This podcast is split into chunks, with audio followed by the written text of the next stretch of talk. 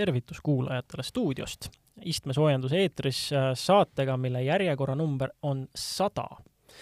ja noh, nagu äh, heade plaanidega ikka, meil oli siin äh, mitmeid mõtteid, meil oli plaan võtta stuudiosse ka Jan ja Ülle, kes selle saate kunagi algatasid ja noh, olude sunnil ilmnes nii, et eelmisel nädalal oleks neile kenasti sobinud, aga siis olin mina tõbine ja nüüd oleme me siin hoopis Indrekuga kahekesi, tervitus! Tere ka minu poolt! Äh, et äh, noh, mis teha, aga sellegipoolest ei saa jätta ju äh, juubelisaadet tegemata ja lihtsalt lõpmatuseni ootele.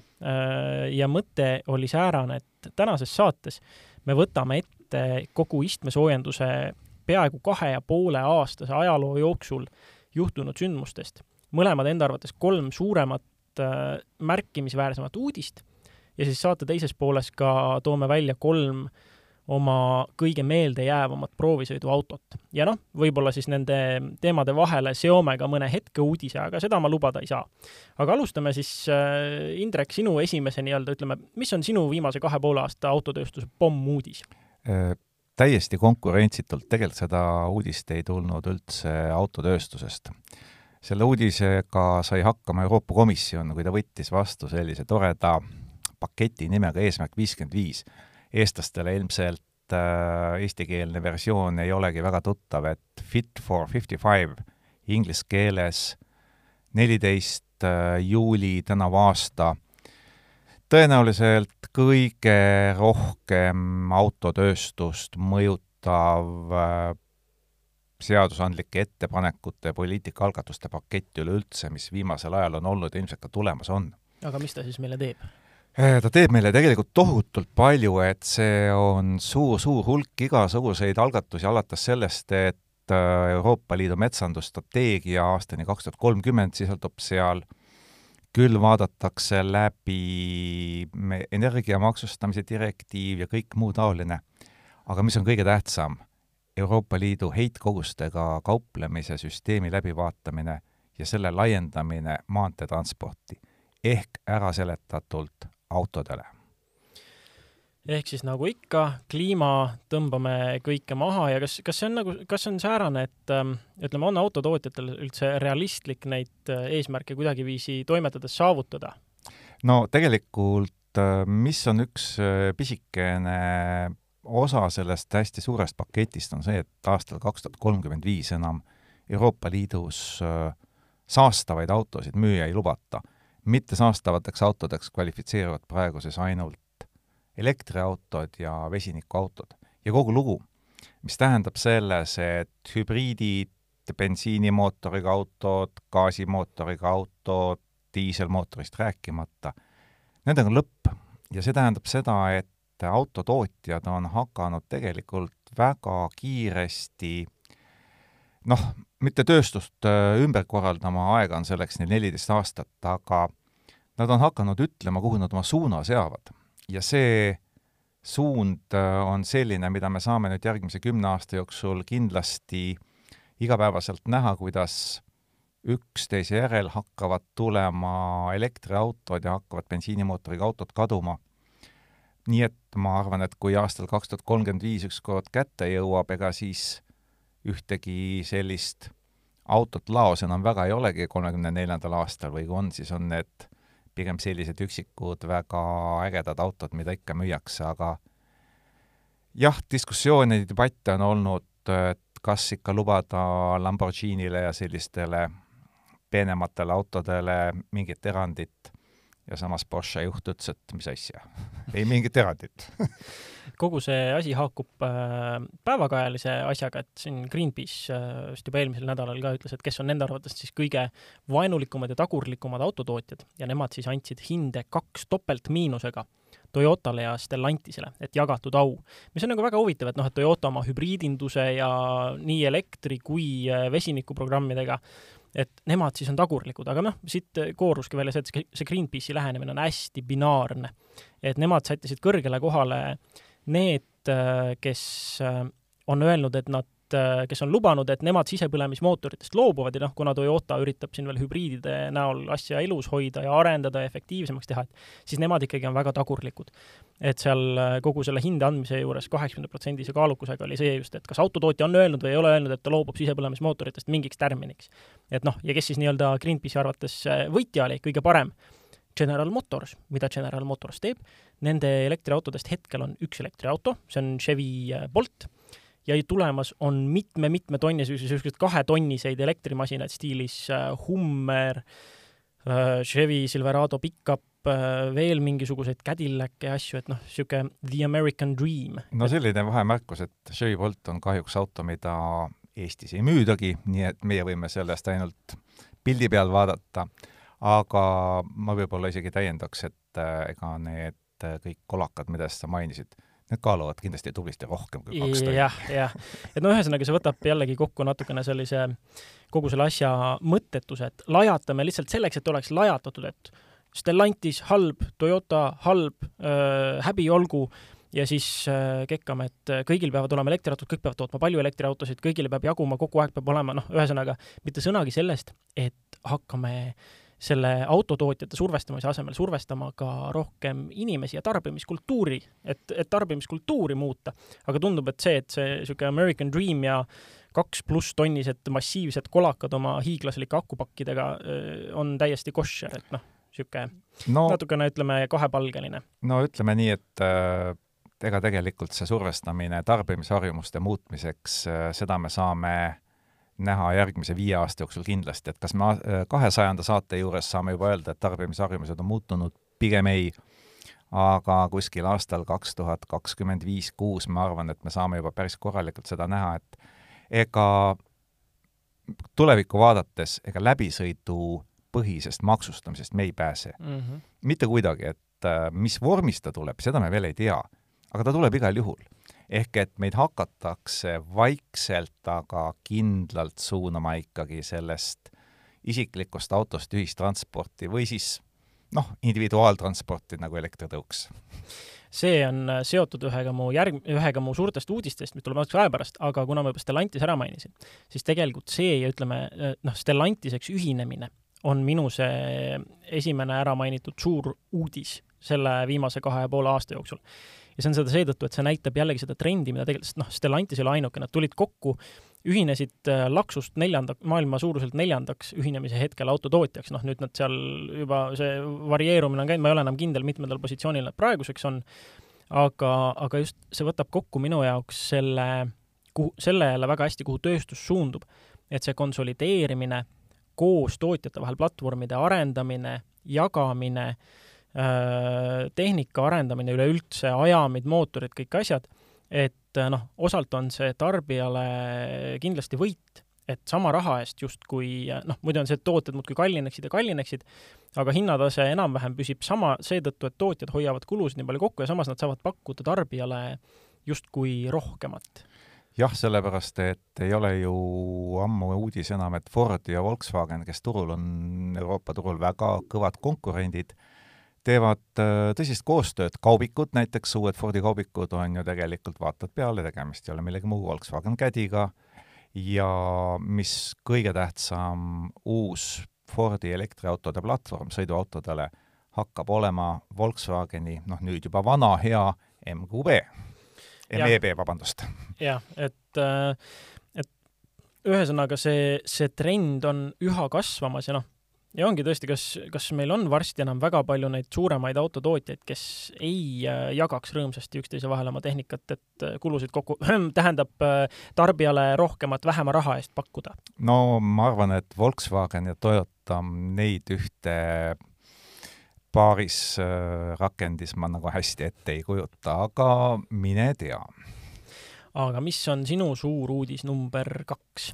minu suur uudis number kaks on see, et et äh, täna maksis CNG Olerexis üks koma üheksasada kaheksakümmend neli eurot ehk peaaegu kaks eurot.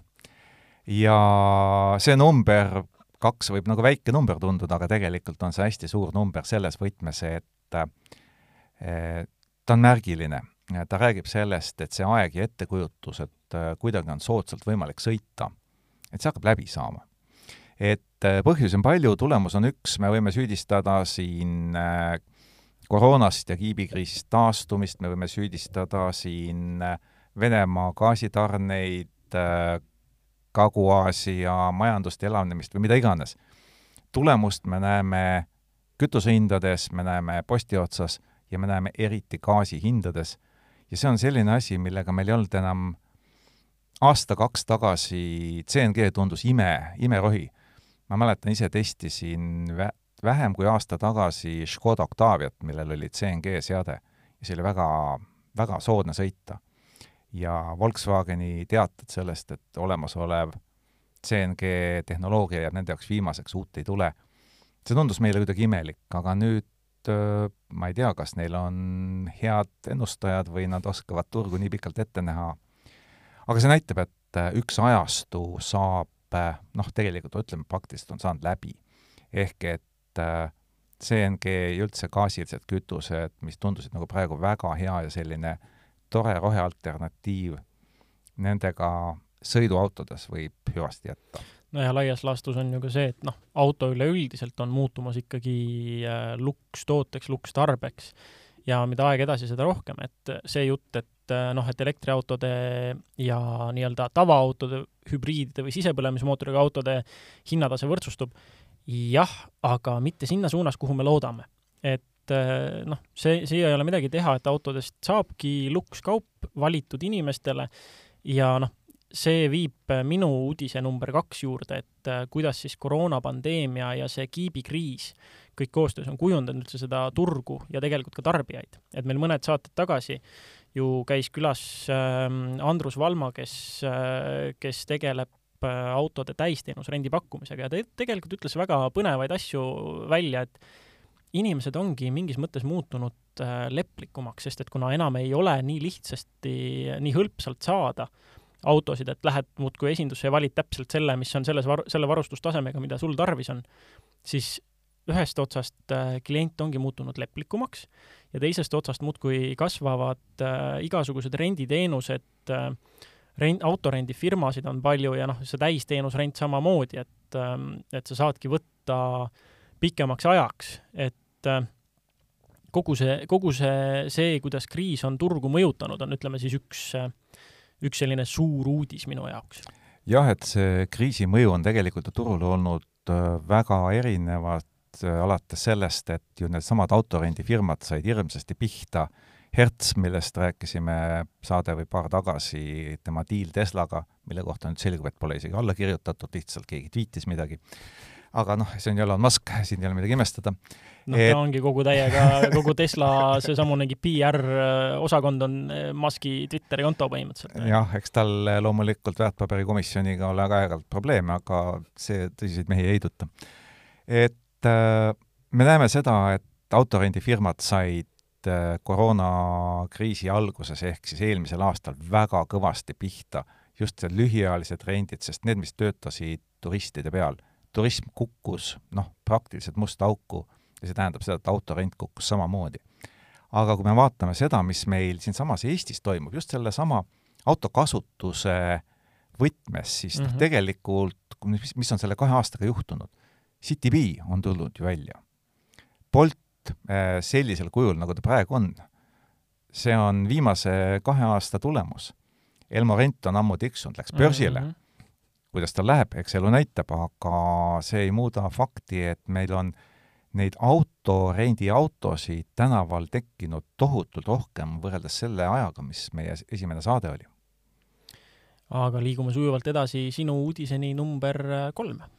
milleks on äh, negatiivne uudis ehk äh, mida ei olnud, särtsukate läbimurre jäi tulemata. et äh, meil ei tulnud Äh, seda kauaoodatud elektriautode läbimurret, kus elektriautod oleksid moodustanud uute autode müügist poole või noh, hea küll, kas või veerandi. et äh, mis tuli, tuli läbimurded on küll suurte tootjate uued platvormid, et Volkswagenil mm, -hmm. Hyundai, Kial, BSA-l, kõigil oma täiesti puht elektriline platvorm, autosid selle peale hakati erinevaid tulema aga hinnad hoidsid massidesse minekut kinni, et no vaatame, kui Tesla ja Model kolm suudab nüüd samasugust mahtu ja kliendi lojaalsust hoida, siis võib-olla järgmiseks saateks me võime öelda, et see murrang on toimunud. aga me ootasime seda murrangut ju tegelikult pikalt, kogu aeg me oleme rääkinud, elektrikad on lahedad, nad kohe tulevad mm. -hmm. Ja no ei ole veel ära tulnud. Nad sõidavad ringi, nad üritavad juba täitsa nagu auto moodi olla ja siis äh, vaatame hinnasilti ja leiame, et äh, bensiinimootoriga autodel on veel natukene tõusuruumi. ja samas äh, jällegi see elektriautode tulek minu jaoks see tendents kajastub siin viimase kahe aasta Eesti aasta autovalimistes. Et äh, noh, see Eesti aasta autovalimisest kui sellisest, ma arvan, räägime siin äh, mõnes järgmises saates veel pikemalt, aga praegu meil ju nüüd eelmine aasta meil pääses valikusse, siis meil oli ka, meil oli kaks elektriautot äh, top kuues ja võitis ju Porsche Taycan. ja, ja seda noh, erinevatel põhjustel, ütleme, minu jaoks see põhjus oli see, et Taycan tõestas, et elektriline sportauto saab olla põnev. Ja nüüd sel aastal on meil äh, Eesti aasta auto finaalis nii Hyundai Ioniq viis kui äh, Škoda Enyaq, mis on juba, ütleme siis täiesti arvestatavad keskklassi, mõistlikult tarbitavad pere, noh, täiesti pere ainukese autona tarbitavad elektriautod põhimõtteliselt. et äh, selles mõttes ta nagu näitab seda arengukiirust küll et äh, issand, palju Eesti aasta autot siin korraldatud on, on ju, üle kahekümne aasta, ja siis nüüd viimasel kahel aastal niimoodi elektrikat teevad äh, äkitselt säru teistele masinatele. no samas tuleb meeles pidada, et äh, Eesti aasta autot valitakse väga erinevate kriteeriumite põhjal mm, -hmm. et see peab olema, see ei ole turu keskmine, see ei ole läbilõige turust, see on hinnangud selle kohta, et see auto oli millegi poolest eriline ja tegi midagi väga teistmoodi kui teised ja isegi kui see Taycan maksab oleme ausad, kuuekohalise numbri, eurosid, mitte kroone, et äh, selles mõttes vaatamata hinnale ta võitis, sest ta suutis selle suure raha eest ikkagi midagi ära teha, rohkem kui teised. et aga sellised ähm, jah, ENIAC, millega oli nüüd äh, testi raames võimalik hiljuti sõita, tõepoolest äh, suurepärane auto ja, ja selline mõistliku elektriautona, kui hinda mitte vaadata mm, -hmm tundub nagu valik number üks. ja ta ei ole ju niisugune pseudo-ufo disainiga, vaid ta on täiesti nagu, ongi, kui sa sinna sisse istud, kui sa veel mootorit ei käivita ega midagi ei tee, siis kas sa arvaksid, et see on elektriauto, kui sa mingit tausta ei tea, ei ole ju, ta näeb täiesti tavaline auto välja, on ju. ta näeb täiesti normaalne nagu välja, kui mitte arvata tema ees olevat väga säravat äh, ma ei oskagi seda nimetada, radiaatori võre, millest on tehtud jõulupuu mm. -hmm. ehk et ikkagi disaineritel kuidagi käed sügelevad, et nad ikka peavad ära näitama. mingi vimka peab ja, olema. ja et ikka saaks aru, et see on elektriauto, et see ei ole tavaline auto, kuigi Škoda, suur pereauto, no võiks ju olla selline natukene halli massiauto, aga mm -hmm. ei, mhm. et ikka, ikka peab särama. aga elektriautodest üldiselt rääkides, see on ka minu uudis number kolm, et äh, ja tegelikult äh, pigem isegi see kogu see Tesla saaga, et äh, Tesla üle, noh, olgem ausad, Tesla üle on tegelikult ju aastaid-aastaid ka kõvasti nalja tehtud, et äh, ei tee nad siin ikka midagi õhku täis puhutud ja, ja investorite raha seljas sõidavad ja Musk midagi teeb ja noh, et see on üldse mingi isikukultus igatepidi ja et tegelikult see on üldse üks jõhker pettus.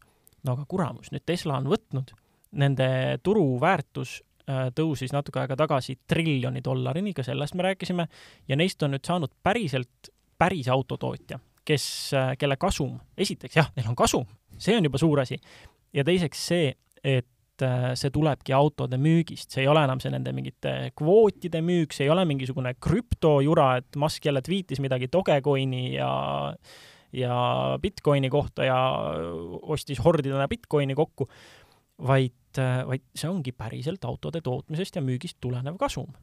samas äh, muidugi kvoodi toot-, kvoodimüüki ei maksa alahinnata, et et äh, Tesla on seda enne teinud ja tõenäoliselt teeb seda ka tulevikus, kuni aasta kaks tuhat kolmkümmend viis kätte jõuab, et selles mõttes äh, siis enam müüa ei saa, aga praegu on ju iga auto, mis emiteerib rohkem kui üheksakümmend viis grammi, väga karmilt maksustatud ja kui need autod on keskklassi autod, siis seda hinda nagu tarbijale üle kanda on päris keeruline, et selliseid win-win diile on tehtud enne ja tehakse ilmselt ka tulevikus, kus lihtsalt täiselektriautode tootja müüb natukene kvooti, tema teenib raha, kvoodi ostjal on väiksemad trahvid, kõik on õnnelikud. et selles mõttes see ärimudel jääb, aga jah, tõepoolest see, kust see kasum põhiosas tuleb, et see on täitsa noh, masendavalt ühekülgne automüük jah, ja nüüd on veel see noh, koostöö kvaliteedi asjad, et eks nende kallal ikka natuke nokitakse, et noh, äh, küll olid äh, täiesti ähm, häbiväärsed äh, kerepaneelide vahed ja kõik asjad ja küll ütles mingisugune värvispetsialist, et, et see Tesla värviosakonna päälik tuleks lahti lasta, et sellist kvaliteeti läbi lastakse ja noh, et vaikselt, eks nad, mida rohkem neil muidugi kasumit teevad, seda, seda rohkem nad saavad ka keskenduda nende tootmisvigade ja praagi kõrvaldamisele aga kui me juba börsiettevõtetest räägime ja kasumist, siis no ei saa jätta mainimata, et äh, üle-eelmisel reedel ehk siis pooleteist nädala eest jõudsid Volvo aktsiad börsile. et kõik ootasid sellest uut rahvaaktsiat Rootsis ja, ja tõepoolest nii oli. see oli suuruselt teine aktsiaemissioon läbi aegade, ainult Telia kahe tuhandendal aastal on olnud suurem, et see on nagu kakskümmend miljardit Rootsi krooni tõsteti. no võtame sealt ühe nulli maha, me saame eurod, aga ikkagi on see kohutavalt suur summa. ja, ja noh, targalt äh, hinnastati see alumisse serva, viiskümmend kolm Rootsi krooni ta maksis, esimesel päeval kõik suurest rõõmust kakskümmend kaks protsenti üles, noh, täna maksis ta viiskümmend seitse, aga ikkagi rohkem kui algselt, nii et kõik ja, investorid peaaegu, on õnnelikud. peaaegu kümneprotsendine tõus niimoodi, on ju. jah, ja mida siis selle kohta kommenteeriti, et ega siis see ei ole Volvo kui selline tugev Rootsi raud, noh, mitte see, mis mul garaažis seisab, vaid see on tulevikutehnoloogiate firma, et kes on lubanud, et aastal kakskümmend viis on kõik autod elektrilised ja noh, oodatakse uut rahvaautot ja rahvaaktsiat ja eks ta nii ilmselt lähebki aga liigume siit edasi proovisõiduautode juurde hoopiski, et nüüd äh, see, sina said äh, lisada siia päevakajalise, aga alustame ikkagi jälle sinu, äh, sinu number ühest, et mis, mis sulle on, sa oled küll istmesoojendused nüüd meil kaasa teinud, ma ei tea, kas, no ütleme, mingisugune kakskümmend saadet äkki, midagi sinnakanti peaaegu varsti juba, et mis sulle siis selle aja jooksul ähm, üldse silma on jäänud? tegelikult mul on silma jäänud äh, väga erinevad autod, aga kui ma nende peale mõtlen, siis ma ei tahtnud seda välja tuua, aga paratamatult elekter on märksõna, et kui me viimase aasta jooksul autodest räägime, siis me peame otsapidi ütlema, et ikka, on tal siis väga hea hübriidsüsteem või on ta lihtsalt elektriline või on tal vähemalt elektrivariant, et see on asi, millest me enam ei pääse mm. -hmm. ja, ja mis ma panen esimeseks, väga mõistliku auto, Renault Arcana. et Renault oodata selles tabelis oleks nagu suhteliselt üllatav, aga Eh, miks? sellepärast, et eh, luukpärakere on praktiline, kui ta ei ole just väga niimoodi tagaistujate pead sööv, no eelmise aasta Eesti auto, aasta auto on samasuguse kujuga, kui me nüüd päris ausad oleme mm. -hmm. E, aga miks Renault? sellepärast, et tegemist on autoga, mille hinnad algavad alla kahekümne viie tuhande. ehk et BMW X6 me oleme kõik harjunud, et see on väga äge ja Mercedes on samasuguseid teinud ja Audil on sarnased kupeemaasturlikud äh, sõidukid olemas. ja odavasse hinnaklassi nad ei jõudnud ja ei jõudnud ja ei jõudnud. et noh, kõige markantsem näide, sama Volkswagen Tiguan, mida müüakse Hiinas täiesti luukpärakerega selles mõttes, et laugpärana. ja Euroopa turule palun väga, tuleb ainult kastikujuline. et Renault oli esimene, kes võttis ja tõi sellise uudse disaini, mis ei ole tegelikult olemas üldse uus, tõi sellisesse kättesaadavasse segmenti.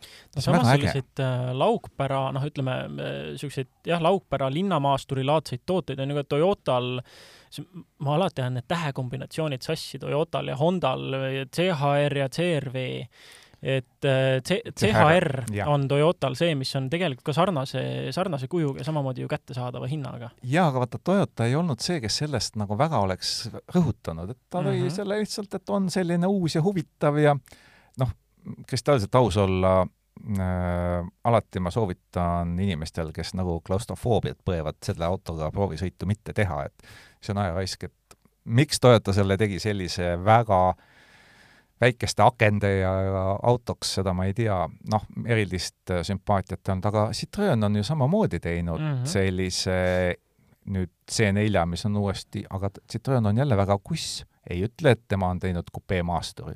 Nad lihtsalt ütlevad oma klassikalised disain, Ja, mugavus ja. ja. ja see ongi kõik. aga Renault virutab kohe, et see on uus autoklass, palun, tulge nüüd. Ja see on minu meelest väga õigesti teevad. nii, ma lähen oma esimese juurde, et kusjuures huvitaval kombel see tuli väga lihtsalt. ma arvan, et kuulajad arvaksid selle ruttu ära, Indrek kohe teadis. aga see, see tuli kõige lihtsamalt, ülejäänud kaks tulid nagu äh, natukene valuga, aga viimast, viimase kahe ja poole aasta minu jaoks ägedaim äh, uus auto ikkagi on Toyota GR Yaris. see on sellepärast, et ta võttis kätte, esiteks toodi sellise hinnaga, noh, kolmkümmend kuus tuhat on see heade Torsen lukkudega paketiga, siis ringraja paketiga versioon, mida ma soovitaks võtta. et noh, see on jälle näide sellest, et kolmkümmend kaks vist oli see tavaline avatud dihvritega, aga noh, kui sa lähed McDonaldsisse ja võtad Big Maci heine ja sulle pakutakse kümne sendi eest see Big Maci heine teha suureks, suured friikad, suur jook, siis no kes jätaks selle upgrade'i tegemata, onju. et selle autoga on samamoodi, et kolmkümmend kuus tuhat ja need lukud peavad seal põhimõtteliselt ikkagi olema. see muudab seda tunnetust nii väga. aga sellel autol on vist väikesed saadavuse probleemid, ma olen kuulnud. juba enne, kui Jaa. kiibikriis kõiki maailma autotootjaid lööma hakkas peale Rollsi. ja see on, see on ilmselgelt põhjusega nii, et kui GR Yaris tuli, siis äh, entusiastid äh, keerasid ennast pea peale ja minestasid kõik kollektiivselt ära, et äh, tõesti tuua praegusel ajal turule auto, mis vaatab uuesti heas mõttes üheksakümnendatesse, pakub seda, mida pakkusid tolle aja ralli homologatsiooni mudelid, Lancer Evo, VRX STi ja ongi tuhat kakssada, noh siis GR Yarisel tuhat kakssada kaheksakümmend kilogrammi massi on ju, ta on praeguste autode mõistes sulgkaallane. ta on sama kerge, kui olid toonased äh, Imprezad ja Lancerid ja samamoodi nelikvedu äh, ja võrreldav jõud ja lihtsalt see, et seal on niimoodi, seal kumab läbi tegijate kirg sõitja auto tegemise järele. et see, et see on suunatud juhile, seal ei, seal ei ole mingisugust äh, mingisuguseid summutavaid, lämmatavaid lapsehoidjaid, kes kogu aeg karjuksid su peale, see ongi sõitja autole, kes mõistab sõita, kes tahab sõita, kes tahab, et see ei oleks mitte kulgemine, vaid et see oleks päriselt sõitmine. ja on väga äge, et selline auto, mis äh, vaatab kolmekümne aasta tagusesse aega, mõjub praegu värskelt. oled sa kursis, kui palju tal on ühist äh, selle nii-öelda tavalise Yarisega? ja olen peeglid ja tuled kõik? see on põhimõtteliselt kõik, et äh, midagi räägiti ustest ka, aga äh, viimati, kui ma vaatasin, siis oli vist ka nii, et GR Yarise uksed on ikkagi alumiiniumist ja tava Yarise omad ei ole. et olidki üks-ühele jagatud detailid on tuled ja peeglid. see auto on orienteeritud spordi tegemisele? Absoluutselt, ja lõbutsemisele. et ongi kunagi, kui see auto välja tuli, siis ma sain käia Laitse rallipargis ka sellisel üritusel, kus olid Eesti igasugused rallilegendid kohal ja nende konsensus oli ka, et noh, mis siis ära ei ole, ostad endale, puur sisse ja noh, ilmselgelt see liialt suur tahavaatepeegel ja seesamunegi keskekraan tuleb välja rebida ja panna korralikud korvistmed, aga siis oleks juba noh, siis rohkem ei peakski põhimõtteliselt tegema, võib kohe võistlema minna. Et tõsi, need olid tema miinused, et need isteasend pluss siis need äh, peegel ja siis multimeediaekraan, mida noh, jah, natuke üle võlli oli nendega. aga, aga jah, see on see minu viimase kahe poole aasta number üks ja siia vahele sobib väga hästi selline meenutus äh, meie istmesoojenduse saateajast, et äh, kui juba spordiks läks ja Toyotaks, et kaks tuhat üheksateist oli selline aasta, kui Eesti sai esimese ralli maailmameistri. Ott Tänak, palun. Tundub nagu elementaarne, hakkab juba meelest ära minema. ja neljandast kuni kuuenda septembrini eelmisel aastal, kaks tuhat kakskümmend, Eesti sai esimese ralli maailmameistrivõistluste etapi korraldamise õiguse. et kaks väga suurt sündmust on sellesse aega jäänud rallisõpradele ja Ott võttis sellel septembrikuisel etapil ka oma kahjuks ainsa etapivõidu. Jäi kokkuvõttes kolmandaks, aga hea tunne, et see kodus ära tuli. aga mis on sinu äh, number kaks proovikas nendest aegadest? minu number kaks proovikas on tegelikult paar ja see paar on Hyundai Ioniq viis Kiia EV6.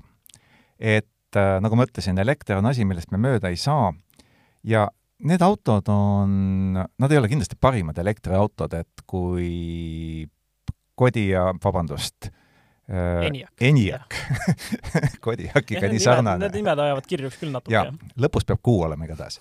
et kui ma valiksin, mida peaksin endale ostma, siis äh, aknast äh, välja vaadates äh, kahtlust ei teki, varustus, mis on mõeldud lõunamaadesse, ei sobi hästi meie lörtsi sisse. aga sellegipoolest, miks need kaks autot, sellepärast nad on lahedad. Nad on esimesed elektriautod, mis on tehtud ägedaks. et Ioniq viis oma kastikujulise disainiga tõesti selline kahe kasti stiilis noh, niisugune Golf kaks nagu retromutukas täitsa, jah. täiesti, natuke lihtsalt ainult kaks korda suurem. hästi suur Golf kaks, äh, sõidab ringi, sõidab täiesti sujuvalt, tal sees on, need suured ekraanid on ägedad, seal on palju heledat, noh, ühesõnaga, seest äge, väljast ka äge, eks ole, teistsugune mm. -hmm ja, ja see on see, mis teeb nendest autodest erilise, et nad võivad anda järele kuskil nagu pisiasjades kasutatavuses, et noh, nagu ma olen öelnud, et et äh, see, et Ioniq viiel puudub tagakojamees, mina mu käest ta seda andeks ei saa. aga noh, mis teha, ta on äge ja sellepärast nad, äh, ja miks ma ütlen nad, selle, noh, oleme ausad, need kaks autot on suhteliselt sarnased. EV6, Kiia ja Ioniq viis, Hyundai. Platvorm on sama, mootorid sama, kõik muu on sama, hea küll, sees on natukene mm. pisut teistmoodi, mõni kereplekk on ka teise nurga all löödud, aga see on kõik. Olemuselt istud sisse, sõidad, paned hetkeks silmad kinni ja see on sama auto. Jah, ja, ja selles mõttes ma olen ka nõus, et nad on, nad teevad nüüd seda, et nad toovad tõesti siis nagu ütleme, täiesti pereainsaks autoks sobiliku elektriauto juba, juba turule, mis on tõesti noh, ta ongi, tal ei ole mingeid hull, neil ei ole mingeid oma hulle kiikse või vimkasid enam, nad ei ole sellised teistest väga jõhkralt eristuvad mingisuguses negatiivses mõttes, Nad on täiesti tarbitavad masinad. Nad on, nad on ägedad autod, aga nad samal ajal ei ole üle võlli, nad ei karju sulle, ma olen elektriauto. et nad ütlevad jah, ma olen lahe auto ja ma maksan päris palju ilmselt, aga see on tavaline normaalne auto, sa oled normaalne inimene, tavaline pereisa, sõidad sellega hommikul tööle, poodi, koju ja saad ka maale vanaema juurde sõita, sest kui seal ikkagi laadimisvõimalus on, siis käid ka kõige kaugemas Eesti nurgas ära ja no jätkuvalt minu raamatus suur plusspunkt millegi nii marginaalse eest, kui seda on see üks nupukene, aga veojõu ja stabiilsuskontrolli mahavõtmise nupp, et kui, kui taevast sajab drifti, siis sa võid seda nuppu kenasti vajutada ja ei pooda sul enam midagi kinni. see on, see on see, millest ma tundsin puudust Volkswagen ID3-s, ID4-s, Honda E-s ja veel terves rodus, noh, äh, no ühesõnaga üheski elektriautos peaaegu peale Taycani ei ole seda nuppu olnud, et sa saad päriselt võtta lapsehoidjat korra magama saata. aga kuulajatele soovitan seda omast kogemusest, olge ettevaatlik selle nupu väljalülitamisega, sest see tagaveoline Hyundai võimaldab lustida, kui taevast tuleb driftiks sobivaid äh, ollust alla sa saad sellega ilusti isegi, sest need lapsehoidjad on suhteliselt äh, tagaplaanil, nad ei mm -hmm. kipu kohe kallale tulema nagu Volkswageni grupi autodele, et kohe tõmbab äh, raginal saba otsaks, et ta laseb lustida väga mõnusalt, aga kui ta välja lülitada, siis mina selle soovituse eest ei vastutaks. Äh, järgmine auto minu nimistus on, ta ei ole nüüd uus auto tegelikult, noh, ilmselgelt, aga Lotus Elise S2 see oli, see võimalus avanes mul eelmisel aastal. Äh, saates ma ei olegi rääkinud Lootuse Liise kogemusest, ma võr-, võrdlesin teda oma MR2 Spideriga, mis on, noh, nad on mõlemad väga-väga sarnased selles mõttes, et et MR2 Spider on äh, samade nii-öelda valemite järgi ehitatud, sama mootoriga.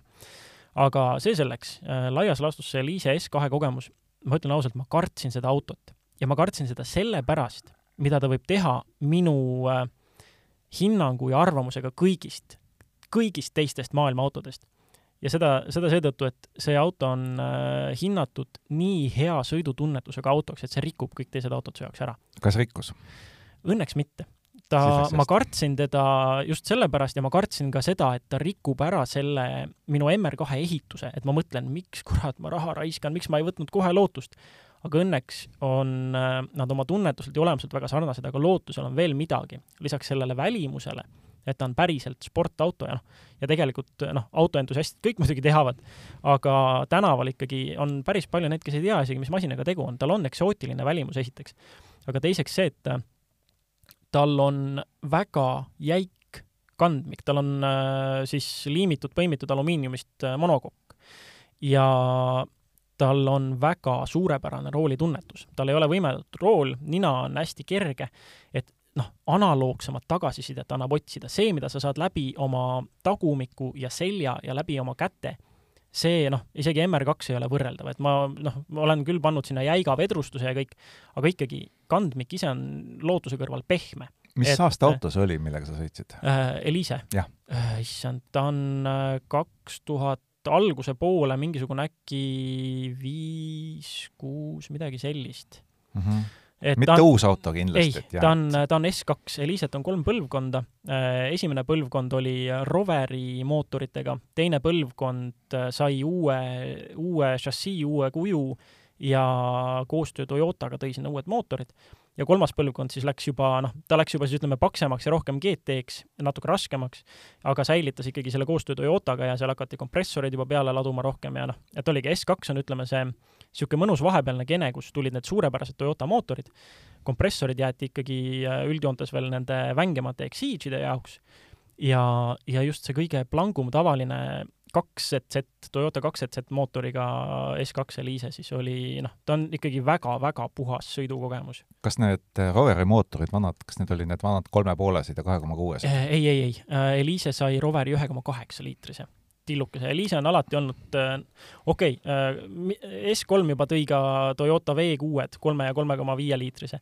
aga muidu on Elise ikkagi olnud enamjaolt ähm, igas mõttes väikse mootori, väikse jõuauto, et vähe massi ja, ja noh, mitte üle võlli mootorid. et ja selles mõttes see S2 oligi, ta oli, ta oli nagu, ta oli igatepidi positiivne kohtumine oma kangelasega. ma kartsin seda kohtumist oma kangelasega, aga see ei valmistanud mulle pettumust äh, mitte ühestki otsast ja see oli lihtsalt äge elamus. siis on äge. ja sinu number äh,, number kolm? minu number kolm on äh, Volkswagen Tiguan äh,. miks ta selle auhinna sai, on see, et äh, selle perioodi sees, kui istmesoojenduse saade on olnud, ehk siis kaks ja pool aastat, suutis ta lükata enim müüdud autode troonilt Golfi. mis on jällegi märgilise tähendusega, et äh, ma ei hakkaks siin tooma välja ei Tiguani sõiduomadusi ega disaini mm, ilu või inetust, kuidas kellelgi on. turg on kõnelenud, jah? turg on kõnelenud ja, ja Golf tema enim müüdud auto positsioonilt lükata, noh, see räägib iseenda eest. et me võime siin öelda kõike kui head ja halba, küll lugedes Uku kommentaare Volkswageni mootorite ja muu detailide vastupidavuse kohta, mul hakkab päris hirmus, aga ikkagi on turg kõnelenud, et selles mõttes see on auto, mis suudab pakkuda tegelikult absoluutselt kõigile seda, mida on vaja kes tahab säästvat kulgemist, väike bensiinimootor, esivedu, kes tahab pisut äh, jõulisemat, on ka võimsamad versioonid, on nelikvedu, kes tahab väga hästi edasi liikuda, neil on hübriid, kahjuks küll esiveoline, nüüd siis, et hübriidversioon tuli sellel aastal, et me saime seda proovida. mis tähendab seda, et see on auto, mis on selle müügi äh, edetabeli tipu nagu auga ära teeninud, et vaat Tiguan oli ju see auto, mille kohta öeldakse, et Volkswagen alati enne mõtles, kui ta turule sisenes, teised laiutasid ees mm, -hmm. võttis kaua hoogu, siis läks ja tegi kõik õigesti. ja paraku nüüd on saanud näovärskenduse elektrised versioonid, ikka on kõik õigesti. Ja turg on rääkinud. Ja mida veel lisada, sa siin nimetasid erinevaid versioone, lihtsalt täiesti juhuslikult on kokku langenud, mul pole nüüd pikalt olnud äh, uut proovisõiduautot, olen siin võlgu olnud lugusid ära kirjutanud, aga juhuslikult homme ma lähen ja võtan Tiguan R-i, mis on siis see veel kõik see vängem ja vast saame seda jagada, pakkuda ka sulle sõitu, et äh, kuidas on siis Tiguani kõige-kõige vängem, et seal on jällegi vana hea see Volkswageni EA kaheksa kaheksa kaheksa on ju, noh, siin kolmsada pluss hobust, nelikvedu, noh, kõik need äh, Volkswageni kiirete sõitjate ja kogu grupi kähkusõitjate kõige tavalisemad, levinumad detailid. ja juhiabid. ja paraku küll, ja esivedu eelistav nelik. aga no seda vaatame. Äh, väljas hakkab kiskuma vaikselt libedaks, võib-olla õnnestub kusagil proovida, et kuidas see nelik täpsemalt siis käitub. aga see selleks, jõuame minu kolmanda auto juurde ja see on, äh, ütleme siis äh, negatiivne näide oma kangelasega kohtumisest, aga see oli sellegipoolest märgilise tähtsusega proovisõit ja see väärib minu jaoks väljatoomist. see auto on kahe tuhande seitsmeteistkümnenda aasta Nissan GTR. ja noh, ütleme, Nissan oma Skyline'i ja GTR-idega on äh, suuresti süüdi selles, et minust üldsegi autohuviline sai. Äh, see oli üks esimesi nii-öelda ihalusobjekte ja see auto kallutas mind täielikult noh, ma ei saa öelda, täielikult, aga ikka väga tugevalt Jaapani autode usku ja Jaapani autode poole. ja need ootused olid nii kõrged ma noh, GTR-i kohta ma olen end lugenud vigaseks igasuguste erilahenduste ja kõigi nende noh, mootorite ja uuenduste ja mudelipõlvkondade ja kogu selle ajaloo osas ja pluss siis veel kõik need legendid juurde sellest, et kuidas need autosid on ehitatud ja tuunitud ja kus maailma otsas on mingisugused eriti ägedad versioonid ja kes mida tegi ja noh, pluss siis kõik veel nii-öelda need ükssarvikautod, mida ongi toodetud paar eksemplari ainult ja mis on täiesti astronoomiliste hindadega. kõik see taustainfo oli mul peas ja mul avanes võimalus selle GTR-iga sõita. ja see oli paraku pettumus, sest et esiteks need ootused olid nii kõrged ja teiseks nüüd äh, siis ilma Skyline'i nimeta GTR, lihtsalt Nissan GTR on ikkagi nii juhiabilisi täislaud, ma ei saa öelda, et juhiabilisi, aga ütleme siis äh, tarka elektroonikat täis laotud, mis teeb juhi eest nii palju ära, et äh, see ei ole enam sõitja auto kas sa mäletad nagu tehnoandmeid selle automi ka? Äh, tema oli nüüd, äh, ta oli teine näovärskendus, mis tähendab, et ta tehti uuesti GT-maks, natuke pehmemaks, sest äh, esimest näovärskendust kritiseeriti, et liiga järsk. võimsus oli tal vist tõstetud juba viiesaja kuuekümne või viiesaja seitsmekümne hobujõu juurde Newton-meetreid oli seal ka kusagil kuuesaja kandis. peaks ju jaguma iseenesest, edasi liigutama mida iganes. tagaveopõhine nelikvedu on ju no,, äh, see mis sa veel tahad? Äh, automaatkast oli tal vist kaheksakäiguline, äh, mis tal seal kõik veel oli, aga noh, aga põhiline ongi see, et kui sa lõpuks sinna rooli istud, see proovisõit oli mul Soomes ja juba sellistes, ütleme noh, lund ja jääd leidis ka, kui natukene Helsingist välja sõita. ja muidugi ma läksin siis otsima ja kui sa siis läksid sinna lume ja jää peale, lülitasid kõik abilised välja ja läksid käänulisele sõitma, siis lihtsalt mitte mingit rahuldust pakkuvalt äh, lollikindel oli selle auto käsitsemine. sa võisid ta kusagile täiesti umbes kurvi sisse visata, siis keerata enam-vähem rooli sinna, kus sa tahaksid minna, gaasiga ka täiesti enam-vähem umbes ümber käia ja ta ikka sai täpselt aru, mida teha, et sind sõidujoonel hoida. suunavahetused samamoodi, sa võid äh, sa võid vastukeeramisega hiljaks jääda natukene, see nelik silub selle ikka ära. et äh, oma loos, kui ma sellest proovisõidust kirjutasin, ma võrdlesin GTR-i noh, natuke ütleme siis ülbe professionaalse jalgpalli väravavahiga, kes noh, on juhuslikult sul sõber äh,, muidu mängib oma profimänge ja siis nädalavahetusel mõnikord käib ka sõpradega mängimas, niisama toksimas. ja noh, ja ta laseb sul skoorida, ta laseb sul värava lüüa. ja ta üritab jätta sulle mulje, et see oli tõesti hea löök. aga ta teeb seda nii ebaveenvalt. sa näed, et tegelikult ta nagu kergitab sinna juurde ikka kulmu ja on natuke sihuke ülbe muie on näol, sa näed, et ta tahab tegelikult, et kõik saaksid aru, et tema lasi sellel löögil sisse minna. aga ta ikka ütleb sulle selle ebasiira, jaa, hea löök, väga hästi tehtud, tubli. et GTR-iga on täpselt see, et sa ei tunne pärast ilusat drifti või kiiret ringiaega, et sina tegid seda sa ei tunne, et sa nagu väärisid isegi seda. sa tead, et auto tegi selle sinu eest ära ja noh, sa võid autoga maadelda, sa võid temaga sõita sujuvalt, mis iganes, mis iganes sa seal tegid, tegelikult oli see ikkagi auto. ja see on see, mis minu jaoks äh, jättiski soovida, et ta on liiga lollikindel, temaga on liiga lihtne sõita kiiresti ja liiga lihtne tunda ennast äh, osalt sõidujumalana või siis teisiti tunda, et äh, noh, ma võin siin lihtsalt ka täita nagu õppinud ahvi aseainet ja ikkagi oleks sama tulemus muide, kas see auto ei hakka mitte saama endale järeltulijat varsti, vähemalt äh, Jaapanis? oeh, neid äh, eriversioone on olnud nii palju, see auto on tegelikult ju vananenud, vist kaks tuhat kuus või seitse no nimelt, et välja, äh, räägitakse ju jälle, et peaks tulema kas nüüd uus põlvkond või vähemalt näovärskendus, me ei tea muide, kas ta Euroopasse jõuab, aga jutud jah. räägivad. Sellest on, küll on räägitud, et tuleb täiselektriline, siis on räägitud hübriid, siis on räägitud, et et saab äh, Nissan oma nii-öelda kvoodi täis mingite muude masinatega ja äh, GTR saab olla ikkagi täielikult sisepõlemismootoriga, igasugused, igasuguseid jutte on olnud.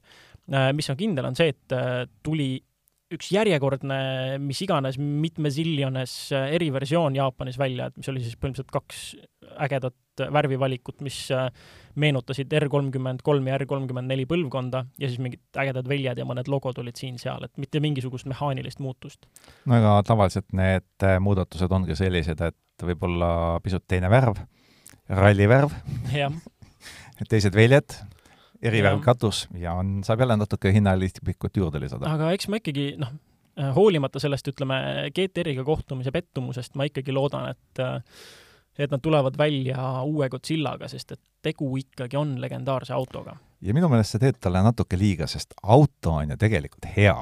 et see on, see ongi hea auto, et äh, võib-olla jah, sõitja jah, täpselt, ütleme, ma, ma ei kritiseeri siinjuures tegelikult autot, ma kritiseerin äh, mingis mõttes enda ootuseid. Jah, et äh, kui sa arvasid, et äh, ma olen väga hea sõitja, ma sõidan iga autoga hästi, siis tuleb sulle vastu auto, kes ütleb, et aga ma olen väga hea auto ja ma sõidan iga sõitjaga hästi. et noh, kas hea sõitja või hea auto, mõlemad saavutavad kahjuks võrdse tulemuse või õnneks. jah aga selline oli siis istmesoojenduses sajas saade ja vaatame, vast äh, õnnestub neid siin äh, riburada pidi veel äh, järjekorda sättida. see oli mingis mõttes jah, kokkuvõttesaade ja maru lähedal uuel aastal, meil tavaliselt on ka kombeks olnud veel mingit sorti kokkuvõttesaade teha, aga eks me siis mõtleme välja mingisugused teised asjad, millest, millest siin kokkuvõtvalt rääkida. aga seniks tänan, et olite meiega, kui olite ja loodetavasti järgmise korrani. Kuulmiseni